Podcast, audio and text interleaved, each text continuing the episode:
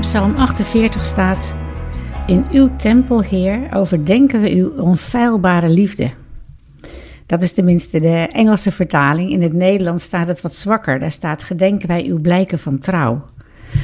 maar als je bedenkt dat we de gelegenheid hebben om Gods onfeilbare liefde te overdenken, brengt ons dat dichter bij de kern van waar we het vandaag over willen hebben, namelijk de koning zien. En het is zo'n belangrijk thema omdat het raakt aan de vraag of we God zien zoals hij is. En niet zoals wij hem zouden willen zien, of zoals we geleerd hebben hem te zien. En we kunnen alleen een rijke, authentieke relatie met hem ontwikkelen op basis van de vele manieren waarop God zichzelf bekend maakt.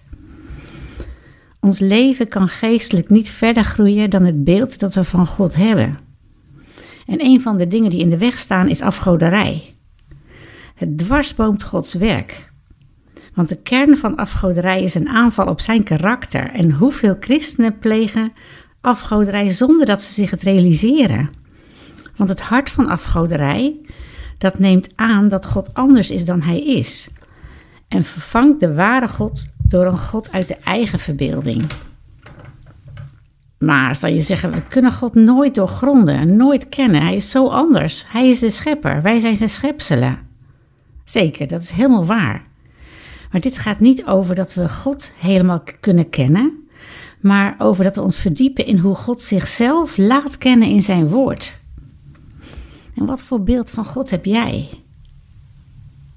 Het is fijn om beleidende woorden over God uit te spreken. Ik geloof in God de Vader, schepper van hemel en aarde enzovoorts. Maar als we in de geheime kamer van ons hart een ander beeld hebben dan dat wat we met de woorden beleiden, is het het innerlijke beeld dat ons het meest beïnvloedt.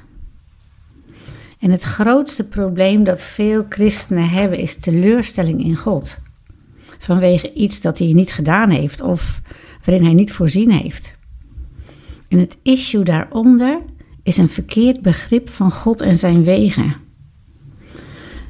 Veel christenen onderdrukken hun teleurstelling en bij een volgende tegenslag herhaalt het zich. En het vraagt dus dat we in tijden dat het goed gaat, ons oefenen in het besef dat God de ander is met een hoofdletter. En dat Hij ver boven ons begrip uitgaat en toch altijd goed is. En zodat in moeilijke tijden die waarheid overeind blijft. En Jezus coachte ook op die manier zijn discipelen in hun crisis. Hij zei: Je gelooft in God, geloof ook in mij. En hoe meer we dat pad volgen, hoe eerder we de weg van verwarring naar vertrouwen vinden. En zo bidden wij, Vader. Vergeef ons als wij u voor ons zien op een manier die u geen recht doet. Als we u, ja, een beeld van u gevormd hebben dat niet overeenkomt met hoe u zich openbaart in uw woord. Heer, help ons om onze plek te kennen en echt te vertrouwen dat u altijd goed bent, ook als er dingen gebeuren die ons zo zeer doen, die we niet begrijpen. Heer, kom ons te hulp door uw geest. Amen.